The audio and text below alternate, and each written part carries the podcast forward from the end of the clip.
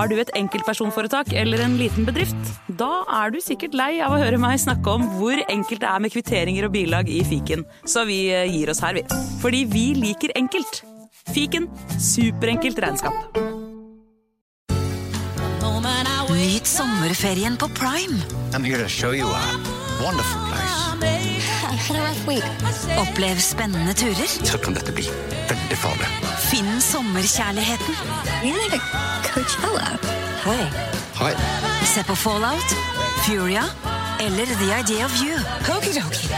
Og gjør deg klar for en sommer full av eventyr. Bare på Prime. Krever abonnement på Prime Video.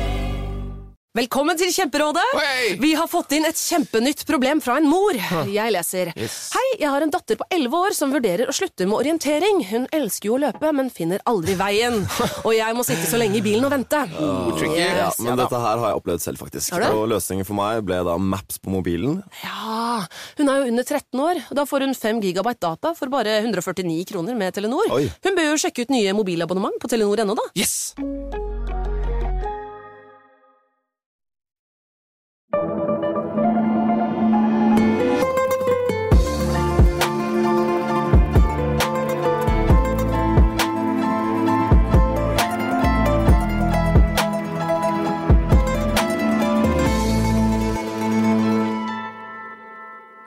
Og velkommen til en splitter ny episode av Gangsterpodden. Mitt navn er også denne uken Jim Fosheim. Og mitt navn er som vanlig Morten Galaasen. Hei, Morten. Hei. Eh, vi kan jo bare starte med da å forklare alle de som lurer på hvor de tre foregående episodene ligger. Mm. Ja, for det er fortsatt noen som tenker at det er veldig rart. Det virker å bare komme ut en episode hver fjerde uke, og Ja. sånn er det jo på ingen måte. Men vi liker jo egentlig at folk fortsetter å spørre om dette, for eh, det betyr jo at eh, folk er opptatt av Gangsterpodden. Ja, og at de vil ha mer. Åh, de Ja. trenger mye mer av Gangsterpodden, og vi er faktisk tilgjengelig med ny episode hver eneste uke. Helt reklamefritt. Det er behagelig. Ja, det er fint. Og um, vi kan jo legge til at vi er jo med i masse andre mange, mange, mange, mange andre podkaster. Ja, det begynner nesten å bli litt meget for, ja, bli for oss to, i hvert fall. Oh. Men eh, det er jo da historie på den, historie på den andre verdenskrig, denne her. eh, Og så har vi jo noen spesialer, noen egne serier. For eksempel Samlingen av Japan, som er ganske ny. Ja, og Ukrainas turbulente historie. Og de har en fellesnevner. At eh, begge kunne hett uh, uh, et eller annet med turbulent. Altså, det kunne vært den turbulente historien til Japan også. For det, det er sånn eh, Jeg vet ikke hvem av de som hadde mest turbulent, jeg skal være helt ærlig. Nei, og det er ikke få samuraidrap i den samlingen av Japan. Du prøver å beskrive at det var mange samuraidrap i samlingen av Japan. En god del. Ja. Det var det. Så er du da Apple-bruker, altså at du har en iPhone, så går du bare inn på AppStore, skriver Untold, og så dukker det opp en rosa app. Og den kan du laste ned. Ja, Ja. det kan du. Og hvis du ikke har gjort det tidligere, så får du da faktisk de første 30 dagene helt gratis. Men så er det ikke alle som bruker Apple. Eksempel jeg er jo en Android-mann. Og jeg eh, gjør da akkurat det samme, men i Google Play Store og oh. ikke i AppStore. Deilig. Mm. Eh, og hvis du er blant de som ikke ønsker noen av de delene, mm. så kan du da faktisk eh, bruke browseren din. Ja. Og da skriver du bare untold.app, og så gjør du noenlunde samme øvelse der. Nettopp. Og um, med det så kan vi jo gå til dagens historie, Jim. Ja. For vi skal endelig, etter mange uker, ut av USA igjen. Ja. For eh, de siste ukene så har det jo vært mange italienske og irske navn, i tillegg da til et eh, walisisk, men i dag så skal vi sørover. Ja, vi skal nemlig til Bolivia. Eh, og da tror jeg de aller fleste vet hva slags eh, type kriminalitet vi skal snakke om. Det er selvfølgelig snakk om kokainhandel. Ja, Det er vanskelig å ikke tenke kokain når man hører Bolivia. I hvert fall i denne podkasten her. Og i alle sånne gangsterfilmer fra egentlig ikke bare Bolivia, men flere steder i Latin Latin-Amerika, så er det veldig mye sånne deilig musikk. Mm. Panfløyter, er det det der? Ja, Og sånne der, eh, flotte trommer. Mm. Også, dette lever da i skjønn harmoni med jungler, dyr og plantasjer. ja. Og eh, vi skal jo da ikke bare snakke om kokain i dag. Vi skal snakke om eh, selve kongen av kokain. Det er helt riktig, og mannen vi da skal snakke om, han tjente altså så mye penger på kokain at han en gang tilbød seg å betale en del av eh, statsgjelden som Bolivia hadde til andre land. Da har du litt penger. Da har du veldig mye penger. Eh, så vi kan jo da skjønne hvorfor vi kaller han kongen ut fra dette. Ja, og dagens hovedperson han heter da Roberto Suárez Gómez. Og mm, selv om det ikke var noen selvfølge at han skulle begynne i kokainbransjen, så var det nesten skrevet i stjernene at han skulle bli kongen av noe. For akkurat det lå i familien. Ja, for familien hans den var faktisk da full av konger og baroner. Roberto var nemlig sønn av Blanca Gomez Roca og Nicomedes Suárez Franco. Og faren Nicomedes han ble da kalt for Kvegkongen. Ja, Cattle King. Ja, Som far som sønn. Så begge er jo da KK-er. Altså Kvegkongen og Kokainkongen. Og dette var rett og slett fordi han da eide en rekke rancher da, som han tjente mye, mye penger på. Ja, og I tillegg så var familien etterkommere av Suárez-brødrene, som hadde blitt kalt Gummibaronene tidligere. Eh, De var da berømte for å ha utvida nettopp Bolivias gummiindustri Ja. til hele verden. Altså, eh, Å legge på baron og konge bak det du jobber med Ja. Vi kunne vært podkastbaron. Ja. Du har jo lovt i flere år nå å kjøpe en lordetittel til meg. Ja, du er podkastlorden. Ja, vet du hva? Det var godt du sa, for den har jeg faktisk nesten glemt. Ja. Til nye lyttere så er det faktisk slik at jeg har da oppdaget at uh, i Skottland så kan man da kjøpe titler. Ja. Uh, og man kan kjøpe det til andre. Mm. Så jeg har tenkt på dette her som en gave til deg, da, Morten, at du skal bli en lord. Lord Galåsen. Mm. Uansett, da Roberto Suárez Gómez ble født, Morten, i Santa Ama del Jacoma. Hvordan ville du sagt det? Jeg ville sagt det ganske rett fram. Santa Ama del Jacoma. Ja, eller sånn. Eh, og Santa Ama del Jacuma det ligger i den tropiske Beni-provinsen i Bolivia. Ja. Uh, som ble da født inn i en uh, relativt velstående familie. Ja, etter alle disse baronene og kongene som var i generasjonene før. Eh, Og denne fødselen den skjedde 8. januar 1932, og dette her var ikke en spesielt god tid for Bolivia. For samme år som Roberto ble født, så begynte Chaco-krigen mellom Bolivia og Paraguay, hvor eh, Bolivia da mista store territorier sørøst i landet. Og allerede før man tapte denne krigen, så var det vanskelig å være bolivianer, i hvert fall for de fleste. For Bolivia det var på denne tida et eh, meget eh, fattig land. Ja, det var det, men eh, for Roberto og familien, så eh, altså, har du penger og har du konger og baroner i familien, Mm. Ja. eh, Morten, så blir det jo litt lettere. Ja. Og ikke bare hadde de penger, Morten, de hadde også store mengder av eiendom. Mm. Eh, og de levde da i en eh, langt roligere del av Bolivia. Ja, langt nord for der krigen foregikk. Samtidig så vet vi ikke så mye om eh, barndommen til eh, Roberto og oppveksten hans, og litt av grunnen til det kan ha noe med at eh, det ikke nødvendigvis skjedde så mye. Nei, altså Alt tyder på at Roberto hadde en udramatisk oppvekst, og at det er grunnen til at det ikke er skrevet så mye mer om det. Men det er jo heller ikke så relevant, for det er det voksne livet til Roberto vi skal se på i dag. Ja, Og her skulle det skje en hel del, eh, Morten. Ja. Og det rolige, trygge livet på, eh, på ranchen skal også ha en eh, viss relevans for nettopp denne overgangen til livet som kokainkonge. For en del av det å da komme fra en rik ranchingfamilie, det innebar jo da å ha tilgang til private jets, eller private fly. Ja, for eh, Roberto og familien de eide fly, som de eh, i utgangspunktet da brukte til kvegdrift og forretninger. Og disse flyene de skulle senere bli en eh, del av en helt annen type forretninger, nemlig kokainbransjen. Ja, for fly der, og ubåter, altså transportmidler, er sabla viktig for å transportere dop. Ja, det er jo det. Og da Roberto først gikk inn i denne bransjen, altså begynte å jobbe med kokain, så begynte han heller ikke å jobbe med hvem som helst. Han gjorde ikke det, for en av de aller første forretningspartnerne til Roberto var da selveste Pablo Escobar. Ja, og vi har valgt å ikke si så veldig mye mer om Escobar i denne episoden, for han har vært nevnt eh, mye, han. Ja, han har vi prata en del om. Ja, Og han er jo også eh, en del av en av dine favorittserier, har jeg skjønt, eh, Jim? Ja, det vil jeg absolutt si. Jeg syns jo Narcos fremdeles holder seg veldig bra, og Narcos Mexico, selv om ikke det er like mye Pablo Escobar der, så håper jeg at det kommer mer. Flere serier. Jeg, kan, jeg klarer å tygge, tygge flere av de. Ja. Eh, og så for ordens skyld, da, så skjedde dette her omkring på 70-tallet. Eh, da internasjonal kokainhandel virkelig fikk eh, fart. Ja, og det var på denne tida at Roberto grunnla Santa Ana-kartellet, som er best kjent som La Corporación.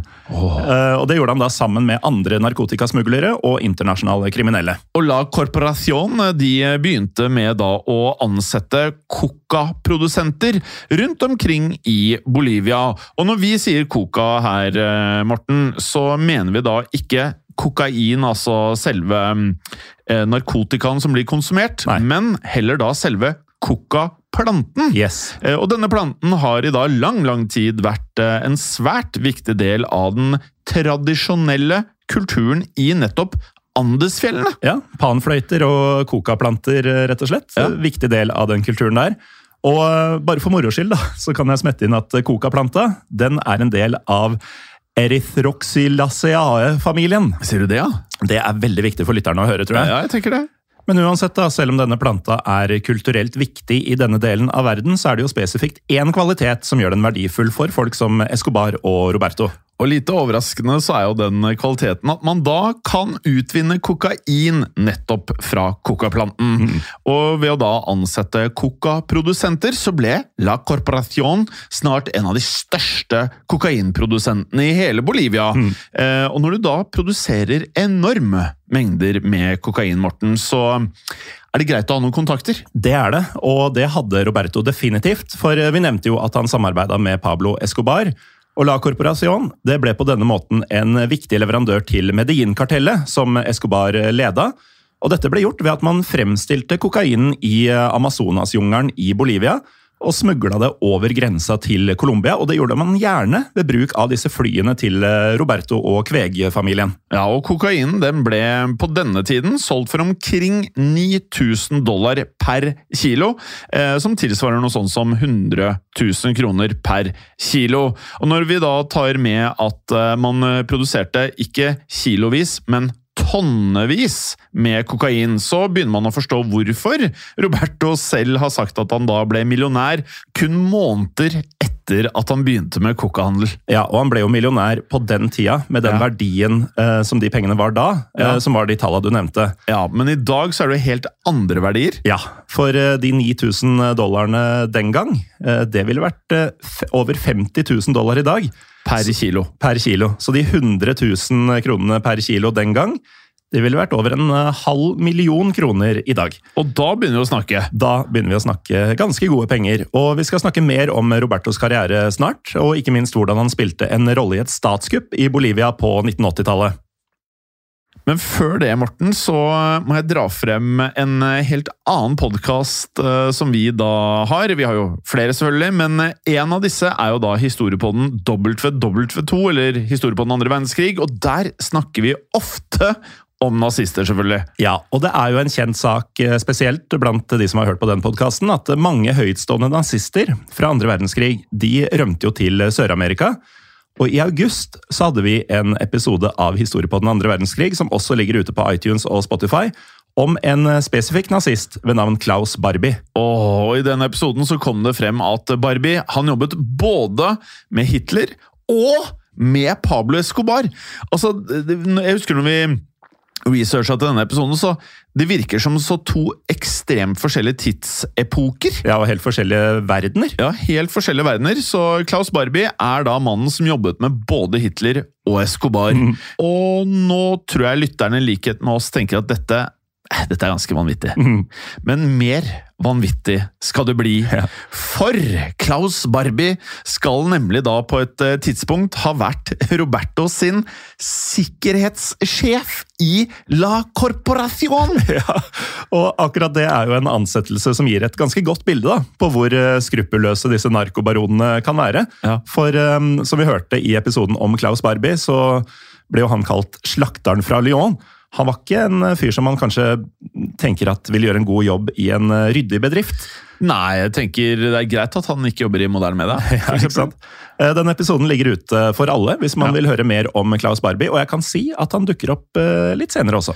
Ja, altså, til alle sammen når vi sier dette her, det er, ikke, det er ikke noen annen grunn enn at det er en veldig, veldig veldig fascinerende episode. Og det er litt som vi hadde i vanlig historiepodden, hvor vi pratet om at Kleopatra var sammen med Julius Ja, Cæsar. Ja, og vi bare tenkte, hvordan kan de to verdenene faktisk ha utspilt seg i samme tidsakse eller rom. Tidsakser Tidsaks eller rom. Ja, tidsrom. Ja, jeg, dette er jo en av grunnene til at jeg blir helt sånn satt ut når vi driver med disse podkastene. For jeg, Ja. jeg tror ikke det er sant. Nei, det er som eh, du vet i Seinfeld, eh, George Costanza. Han eh, skal jo skille mellom forholdslivet sitt og eh, sivillivet, om du vil. da. Og eh, hvis ikke så krasjer verdenene. og da blir George veldig lei seg. Ja, og i noen tilfeller når vi lager disse episodene, så krasjer våre Ja. verdener. Ja, dette er helt vanvittig. Uansett, videre til historien her, så um, har vi da vært inne på at uh, Roberto Suárez Gomez og La Corporación hadde stor, stor suksess. Med en gang! Altså Ja. Det var umiddelbar suksess. Ja. Det var ikke som når vi starta første podkasten her, Morten, hvor det tok tre år før vi fikk inn en eneste krone. Er sant. Eh, Men det er jo da klart at å produsere og selge kokain er noe helt annet enn å produsere podkast i Ja. Norge i 2011. Eh, Men det er jo svært risikabelt. Ja. Det er det. Én ting er jo at man får fiender fra andre kartels. Ja. Eh, Og en helt annen ting er jo at man da bryter eh, loven eh, ganske så betraktelig. Ja, og de aller fleste episodene av Gangsterpodden viser jo at det er vanskelig å beseire loven og myndighetene over tid. Både Al Capone og John Gotti, Diabolik og en rekke andre hovedpersoner fra tidligere episoder har jo enten havna i fengsel eller blitt drept. Altså, hør på Al Capone, John Gotti, Diabolik. Det, er ikke, det er heller ikke karer vi trenger i, i, i gangene her. altså. Nei, de hadde ikke fått jobb her, de. Altså det er sånn Når vi går gjennom noen av de verste episodene, her, så begynner man å tenke sånn Det er, det er, det er mye gangster opp gjennom historien. Eh, Men for Roberto og samarbeidspartnerne hans så fantes det en vei rundt mye av denne problematikken. Oh, ja. For vi har jo alle da hørt uttrykket 'if you can't beat them, join them'. Og på sett og vis så var det nettopp det Roberto og hans cartels nå faktisk gjorde. Ja, for eh, Roberto han skulle spille en rolle i at kartellene i praksis overtok kontrollen over eh, Bolivia. Ja. For i 1980 så ble det nemlig gjennomført et eh, statskupp i landet, som man trygt kan si at Roberto Suárez Gomez hadde en rolle i.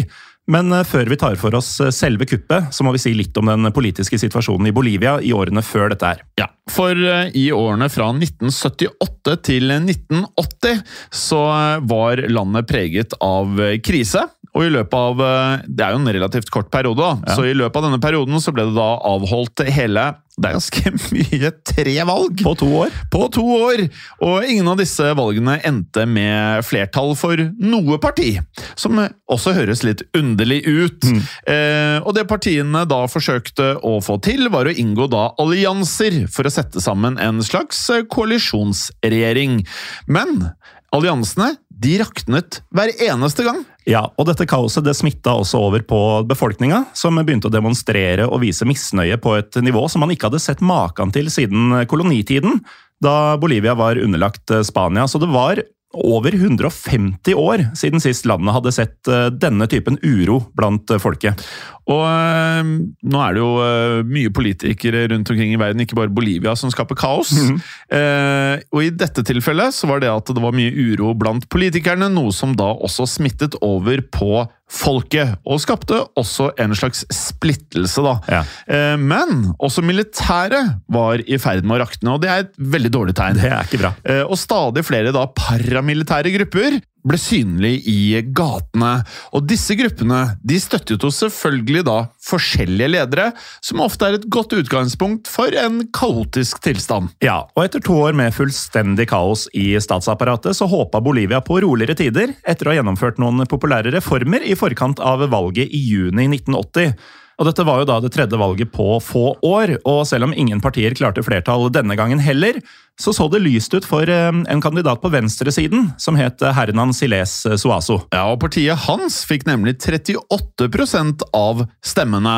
Og planen var at det da skulle holdes et eh, rent presidentvalg allerede i august. Ja, altså mer som den amerikanske typen, at du ikke stemmer inn et parlament og partier og koalisjoner og sånn, men eh, bare hvem som skal være president. Ja, og her ville da Siles være stor favoritt til å bli Bolivias nye El Presidente, men eh, man kom aldri så langt. Nei, for forberedelsene til dette presidentvalget det ble avbrutt ganske brått eh, den 17. juli 1980, som var tre uker før presidentvalget egentlig skulle skje.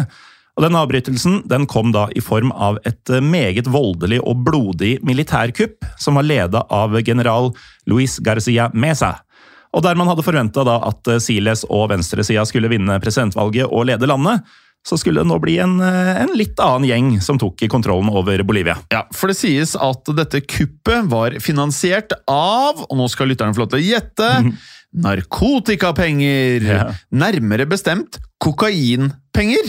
Eh, og enda nærmere bestemt Roberto Suárez Gomez sine kokainpenger. Ja. Men eh, det var ikke bare Roberto selv som var involvert i dette, Morten. Nei, for vi har jo nevnt eh, Klaus Barbie tidligere i denne episoden. Det har vi. Og Barbie han skulle ha en, eh, eller han skal ha hatt eh, visstnok en sentral rolle i å rekruttere og organisere leiesoldater fra Europa som hjalp til med å gjennomføre dette statskuppet. Og igjen, jeg må bare si det. Dere, dere burde høre episoden om Klaus eh, Barbie, altså Ja. slakteren fra Lyon. Eh, Det gir det hele litt mer kontekst, så vet dere hva slags mann han var. Mm. Og vi er jo selvfølgelig da klar over at eh, Barbie var nazist, men i tillegg så samarbeidet han med en italiener ved navn Stefano della Chiaue. Ja, Chiaue. Dele Chiaie, tror jeg det er. Ja, ok. Delle Chiaie han blir betegnet som en nyfascistisk terrorist, og har da vært etterlyst over hele verden. Og det å være etterlyst over hele verden, Morten, det, det høres ut som en sånn her spionfilm. sånn Sjakalen, som Ja. er eh, Han begår da mord over hele planeten på bestilling, og er også da etterlyst på hele planeten. Ja, og så er det jo sånn at Her trodde jo hele Bolivia, og sikkert nabolandene også, at man skulle få en leder fra venstresida, sånn Ja. sosialdemokratisk, kanskje sosialistisk. Og så er det i stedet en nyfascist og en gammel nazist som eh, trekker i trådene. Ikke helt det man hadde håpet, kanskje. Og i 1983, Morten, så ble Del Chiaie kalt The Most Wanted Rightist Terrorist av CIA. så eh, man kan jo bare si det som det er. Dette her var en av de eh, skumleste gjengene på planeten. Ja, Det er jo helt eh, vilt hvilken samling av folk som står bak her. Altså, Du har eh, disse Nazister, kokabaroner, militære paramilitære og fascister. og fascister. Ja. Og, eh, Det er alt. ja. og etter at dette statskuppet da lyktes, og general Mesa ble innsatt som president, så skulle militæret da forme en ny regjering. Ja, men er du enig i at sånn som dette her, mener jeg hadde ikke, Jeg hadde ikke hørt om dette før. Mm. Jeg mener at eh, sånn, Hvis man er opptatt av historie, så det er så rart hvilke deler av historien som blir gjenfortalt hyppig og ikke. Ja. Dette her er jo helt vanvittig! Ja, det er jo det. Altså Fascister, nazister, kokabaroner, militære, paramilitære styrker og et fullstendig kaos. Det, det, er, det er verdig å være i historiebøkene, mener jeg. Ja. Bli nevnt, i hvert fall. Og så er det jo litt sånn at vi um, i, I Norge, da, som vi, er, vi har gått gjennom skolesystemet her, ikke sant. Det er veldig sånn europeisk perspektiv eh, på det vi lærer på skolen. Mm. hvorfor i all verden skal ikke vi høre om den vanvittige perioden i Bolivia mellom eh, 70- og 80-tallet? Mm. Og så er det litt med at eh, hvis man er opptatt av at barn skal huske tingene man lærer Mm. Dette er ting du husker, og hvis du lærer dette i kombinasjon med helt andre ting på skolen, som eh, også er viktig å få med seg, så øker det sikkert sannsynligheten for at du er interessert i andre deler av fagene. Nettopp. Men uansett, da, denne nye regjeringa den skulle også få en ny eh, innenriksminister. Ja, og Den nye innenriksministeren het Luis Arche Gomez, og var fetteren til Roberto! Ja, Så de prøver ikke engang å legge skjul på Nei. trådene her. Nei, og altså skal du, skal du ta over et land, så er det sånn du gjør det. Ja. Så nå kunne da Roberto være helt, helt sikker på at eh, boliviansk politi og andre statlige aktører holdt seg langt unna hans aktiviteter. Og Archie Gomez han slo nemlig nådeløst ned på alle sine fiender og beordret en rekke drap på bolivianske borgere som sa noe som helst imot den nye ledelsen. Ja, og her kommer det faktisk en litt overraskende greie. Fordi akkurat drap og vold, det kunne Roberto faktisk eh, styre seg for. Ja, Eh, og det låter jo egentlig litt utrolig når man samarbeider med folk som Escobar og Barbie og denne Della Chiaie, men, uh, og da i tillegg finansierer et militærkupp.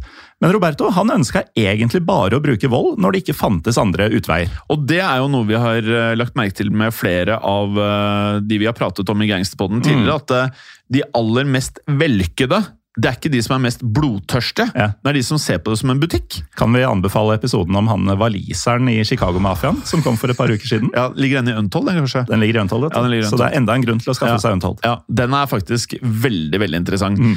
Og det å se på drap som kun en nødvendighet i butikkdriften, eh, det kom til slutt til overflaten ved at eh, Robertos forhold til Pablo Escobar begynte for alvor å surne. For som de aller fleste sikkert eh, enten vet eller kan tenke seg til, så var jo ikke Pablo Escobar spesielt tilbakeholden med å bruke vold.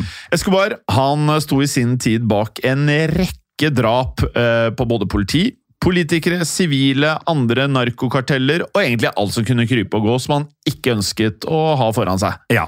Så selv om alt nå lå til rette for en ny gullalder for Roberto og La Corporación, så var det litt trøbbel under overflaten. Og det at forholdet til Escobar ble dårligere, det var én ting, men det som virkelig skulle skape problemer, det var et møte med en Michael Levine i 1980. Og dette møtet skal angivelig ha funnet sted på en hemmelig lokasjon i Sør-Amerika, hvor temaet for møtet var å diskutere en mulig kokainavtale. Ja, for vi kan jo legge til at Michael Levine han var amerikaner, og det var gunstig for Roberto, som da så en mulighet til å selge direkte til USA, uten å gå via Pablo Escobar. Ja, og det ville jo være svært fruktbart for pengesekken til Roberto hvis han fikk til det, så etter flere dager med forhandlinger så ble Levin og Roberto enige om at Roberto da skulle levere omkring 450 kilo med kokain til Levin i Florida. Men det Roberto ikke visste, det var at Michael Levine han var agent for DEA. Og det er ikke så bra. Nei, for det er USAs organ for å bekjempe ulovlig håndtering av rusmidler og legemidler. Og man kan jo si at kokainbruk går under ulovlig håndtering av rusmidler. Absolutt. Jeg, kan, eh, jeg er ikke så god på alle uttalelser på alle språk, Morten, men jeg har sett nok narkos til å vite at eh, lokalt så uttales det 'the'. Ja. The, Det- og de var veldig redde. Det, det, var, det, det Ja, en av de få tingene de ikke liker, var det. Ja. Uh, og det, det er ganske sjukt dette her, fordi uh, Roberto han var på dette tidspunktet verdens største leverandør av både dette råproduktet, altså coca-planten, og av ferdig kokain. Men likevel så var Roberto egentlig ikke på radaren til The. Men tenk deg det at eh, han eh, eh, Hadde du hørt mye om han fyren her før vi lagde episoden? Nei. Det er så rart, det der. der. Man, Alle har hørt om El Chapo og Escobar, Ja. mens ingen har hørt om han her. Nei, Det er veldig rart. det er veldig rart. Og som du nevnte, Morten, så var i hvert fall Roberto ikke på radaren til ledelsen i Thea. Så Levin han beskriver i en bok som han har skrevet, som går under The Big White Lie, at han og en eh, mindre gruppe dedikerte Thea-agenter måtte jobbe med denne saken delvis i skjul.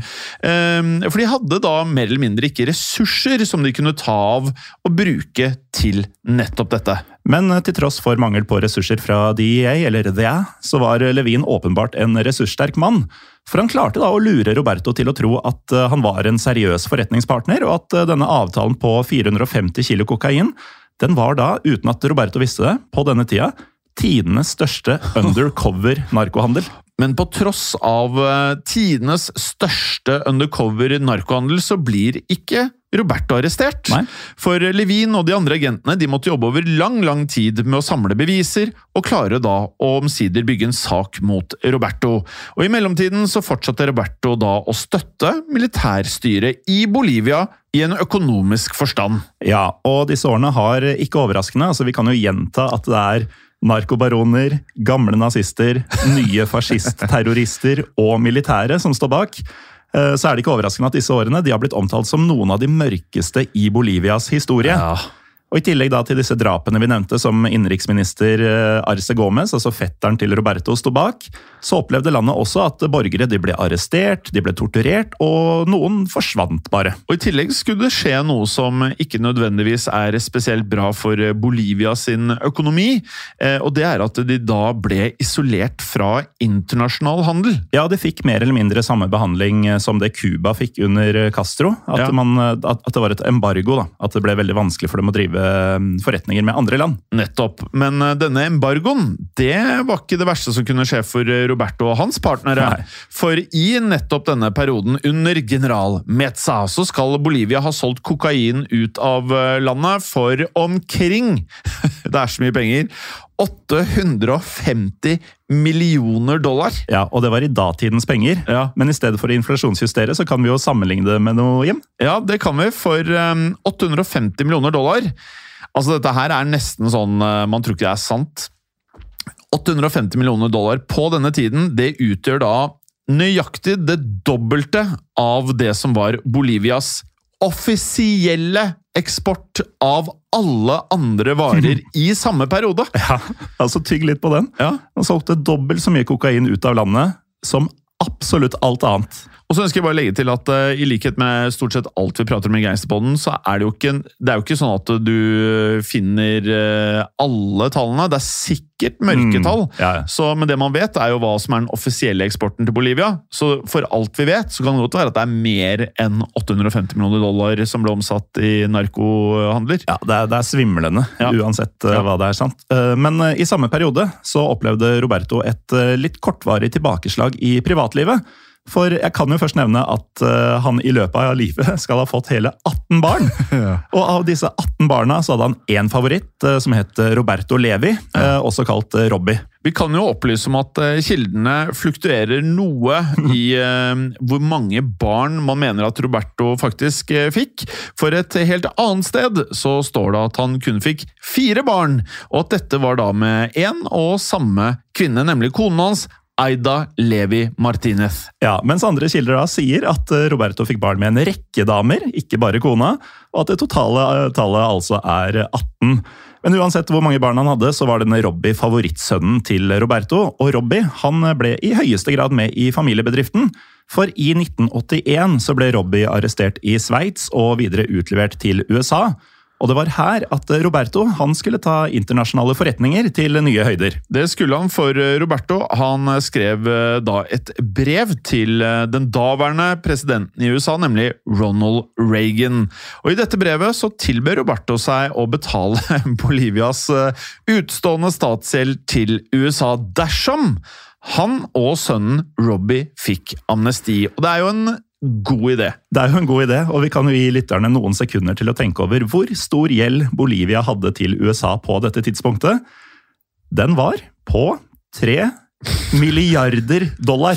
Ja, og Vi kan riktignok ikke slå helt fast at dette var det som gjorde utslaget, men i november 1982 så ble faktisk Robbie frikjent for to narkotikatiltaler av en jury i Miami, og kunne med det dra hjem igjen. Ja, og Vi kan jo da skyte inn at eh, i tillegg til å betale statsgjeld, så gjorde Roberto seg populær blant eh, befolkninga i Bolivia ved å betale for bygging av bl.a. sykehus og skoler, som jo også minner en del om eh, Pablo Escobar. Men selv om sønnen, altså Robbie, ble sluppet fri, så er nå historien i ferd med å snu for vår mann Roberto. Ja, for vi har jo lært gjennom mange episoder av Gangsterpodden og andre podkaster og av filmer og serier at man kan ikke være konge for alltid. Nei, sjelden eller aldri. Ja, men eh, det var ikke Michael Levine og DEA som skulle ta han, eh, i hvert fall ikke direkte. For arbeidet til Levine det førte ikke til arrestasjon. Og kanskje så kan det ha hatt å gjøre med disse tre milliardene som Roberto tilbød eh, USA. Det, Jeg, jeg, jeg tenker det, da. ja. Ja. Eh, Det er lett å spekulere i det, men vi vet ikke. Men det vi vet, er at arbeidet til Levine det gjorde at mange fikk øynene opp for hva Roberto egentlig holdt på med. Ja, Avsløringene til Levin gjorde jo nå også Levin selv til en etterlyst mann. Ja, Man blir ikke populær av å grave i kartellvirksomhet. Nei, men eh, når vi sier etterlyst, så er det kanskje ikke etterlyst av eh, politiet. Nei, eller CIA. Eller CIA eller DEA. For blant annet da Medellin-kartellet utlovte nå nemlig en eh, klekkelig dusør på 200 000 dollar til den eller de som kunne fange eller drepe mannen de kalte for El Judio Trigueño. Ja, Og dette kallenavnet blir på norsk Den mørke jøden. Ja, Det var kallenavnet de brukte på Michael Levine, og det er nesten så man skulle tro at Klaus Barbie var involvert eh, i dette, eh, men det er det ingenting som tyder på. da.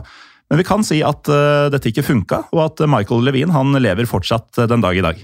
Og det at han lever i dag, Morten, det kan nok for mange føles eh, litt overraskende. Ja, Av flere grunner, egentlig. Av flere grunner, for Levin har også anklaget selveste CIA for å da ha tilrettelagt for virksomheten til flere søramerikanske karteller, deriblant La Corporación. Ja, altså Han har jo skrevet denne boka, han har skrevet flere bøker. Um, og han sier jo også litt at uh, noe av grunnen til at det var så vanskelig for han å få jobbe med denne saken, var at CIA annet la kjepper i hjulene. da. Men uh, tilbake til Roberto, så kan vi jo si at dette militærstyret som han hadde støtta, det gikk i oppløsning i 1982. Så nå hadde ikke Roberto like stor kontroll over myndighetene som han hadde hatt. For fra nettopp 1982 og videre så har Bolivia vært et demokrati. Og spoler vi kun noen år fremover i tid, så skulle karrieren til Roberto omsider ta slutt. Ja, for den 20. juli 1988 ble Roberto nemlig arrestert av boliviansk eh, politi.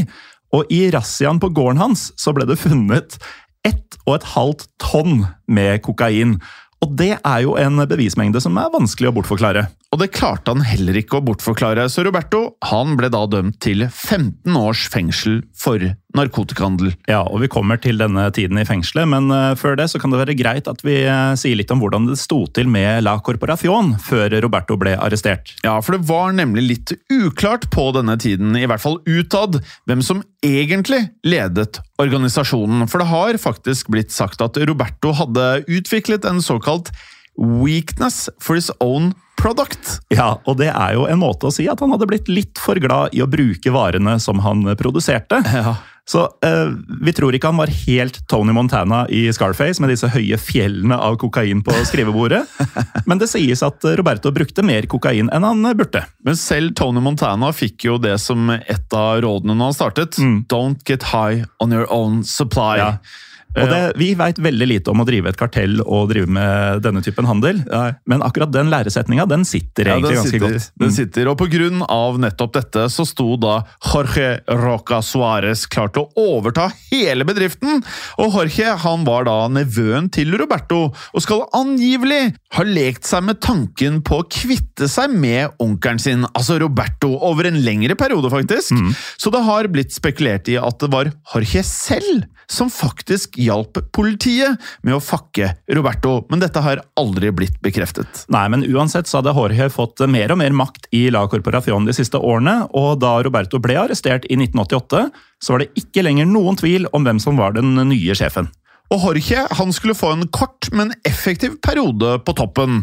Han utvidet nemlig eksporten til Sør-California. Tidligere hadde jo mye vært fokusert på østkysten, altså Florida og New York, men nå utvida han til den andre kysten. Ja, som var et enormt marked. Men kun to år senere så ble han faktisk arrestert, noe som fant sted i 1990. Og han, han ble dømt til dobbelt så mange år som Roberto. Han fikk nemlig 30 års fengsel i USA. Ja, og da Jorge i 2018 ble løslatt, så ble han umiddelbart arrestert av bolivianske myndigheter da han ankom hovedstaden La Paz, og ble dømt til nye 15 år bak murene. Og det var jo nettopp 15 år Roberto også ble dømt til å sone i 1988.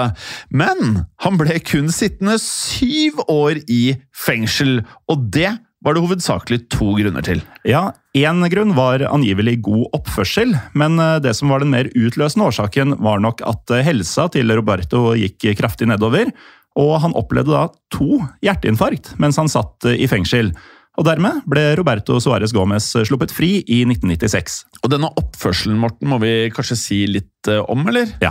For eh, i fengsel så skal han nemlig ha sagt at han eh, angret på mye av det han hadde gjort. Ja.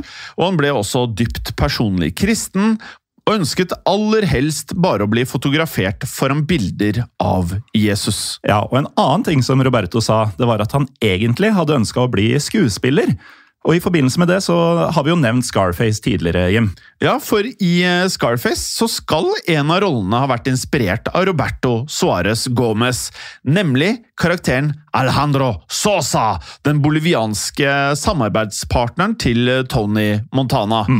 Noe Roberto skal ha vært svært stolt av. Ja, men eh, uansett da, så er det grunn til å tro på at eh, Roberto angra på denne karrieren sin. For eh, etter å ha sluppet ut fra fengsel, så var pengene brukt opp på å bygge skoler, sykehus, eh, kirker og fotballbaner. Og Roberto selv han levde resten av livet sitt på gården sin i fred og ro. Men det skulle dessverre for Roberto ikke vare spesielt lenge, for 20. juli i år 2000 så døde Roberto Suárez Gomez av et hjerteinfarkt i Santa Cruz i Bolivia. Ja, Han hadde jo overlevd to av disse i fengsel. Han hadde det, og kun noen uker før han døde, så hadde han sagt følgende i et TV-intervju. Den største feilen jeg noensinne gjorde i mitt liv, var å bli involvert i kokainhandel. Åh, det er ganske sterkt. Ja, når du har vært kongen, du har Ja. vært verdens største produsent av en vare, Ja. og du tenker tilbake at det er det verste du har gjort. Ja, nei, Det har jo vært livet ditt, da. Eh, og Vi har jo også nevnt at denne V-agenten, altså Michael Levine, han ga ut en bok om sin rolle i etterforskningen av Roberto. Som vi nevnte tidligere, så het den The Big White Lie. Men også konen til Roberto skal også ha skrevet en bok, Morten. Ja, vi nevnte jo denne Aida Levi Martinez tidligere. Hun eh, skilte seg fra Roberto etter å ha funnet ut hva han egentlig drev med. Men eh, de forble venner, og i eh, 2012 så ga mm, Aida ut en bok med den eh, meget beskrivende tittelen, som da på engelsk blir The King of Cocaine, My Life with Roberto Suárez and the Birth of the First Narco State. Det er så lange titler noen ganger. Ja. Det er eh, bare, Du kunne holdt med The King of Cocaine. Ja, og Det var en lang tittel, men det var forenkla allerede. fordi dette har vi gjort om til engelsk, som ikke er språket vi har funnet boka på. Nei, for vi fant faktisk boken kun på spansk. Og så kan jeg prøve å si dette her, eh, jeg også, da. Eh, For den heter El Rey de la Cocaína. Nei, jeg tror du kan ta resten, her, Morten. Ja, jeg kan prøve. Altså Resten av tittelen blir noe sånt som Mi vida con Roberto Suárez Gómez y el nacimiento del primer narco estado. Åh, og Hvis noen av lytterne vet eh, hvor man kan få tak i boken på engelsk, så send oss veldig gjerne en eh, DM på Instagram, hvor vi heter Historiepodden Norge. Ja, eller enda bedre, bruk Facebook-gruppa vår som heter Historie for alle, for da kan alle se hvor man kan få tak i denne boka. Og I mellomtida Jim, så har vi plukka ut en ny gangsterlåt. Ja, og her er det jo så vanvittig mye vi kunne valgt, da. Men vi gikk for låten Cocaine, uten at vi trenger å forklare det noe nærmere. Og Cocaine er nemlig Eric Clapton sin låt. Ja.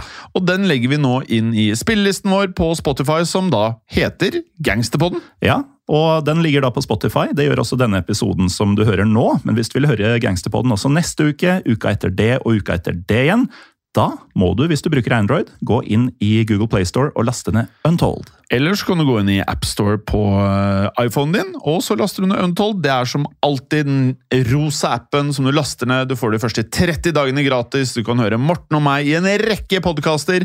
Og så får du da tilgang på den episoden vi har pratet mye om i dag, nemlig episoden om Klaus Barbie. Klaus Barbie. Og vil du ikke gjøre noen av disse tingene, så kan du bruke nettleseren, eller browseren, som vi Ja. liker å si. Untold.app, Ja. hvor du da kan gjøre akkurat det samme. Morten, jeg vil ikke ha noe av at du sover med fiskene. Men hold det gangster. Ja, det kan jeg gjøre. Ha det bra. Adios.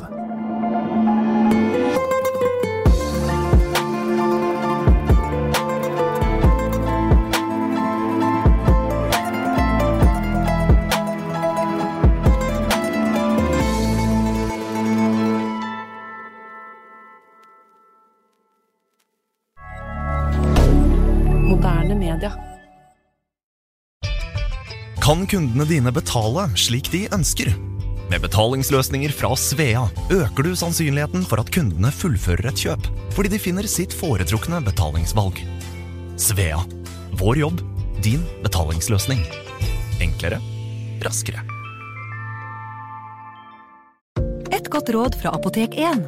For noen pollenallergikere er sesongen allerede i gang, og mange vil kjenne på nysing, rennende nese og kløende øyne. Er du plaget av allergi, har Apotek 1 tabletter, nesesprayer og øyedråper som kan hjelpe. Skyll øyne og nese med saltvann regelmessig, og skal du ha vinduet åpent, bør du dekke det med et pollennett.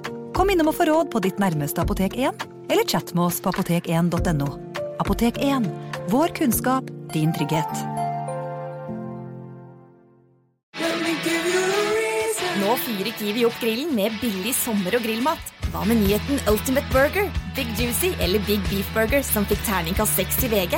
Før 64,90. Nå ny lav pris, kun 59,90 for 2 ganger 180 gram.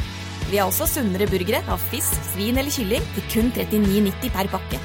Crispy salater og alt det digge tilbehøret. Utvalget er stort, og prisene, ja, de er alltid lave. Hos Kiwi.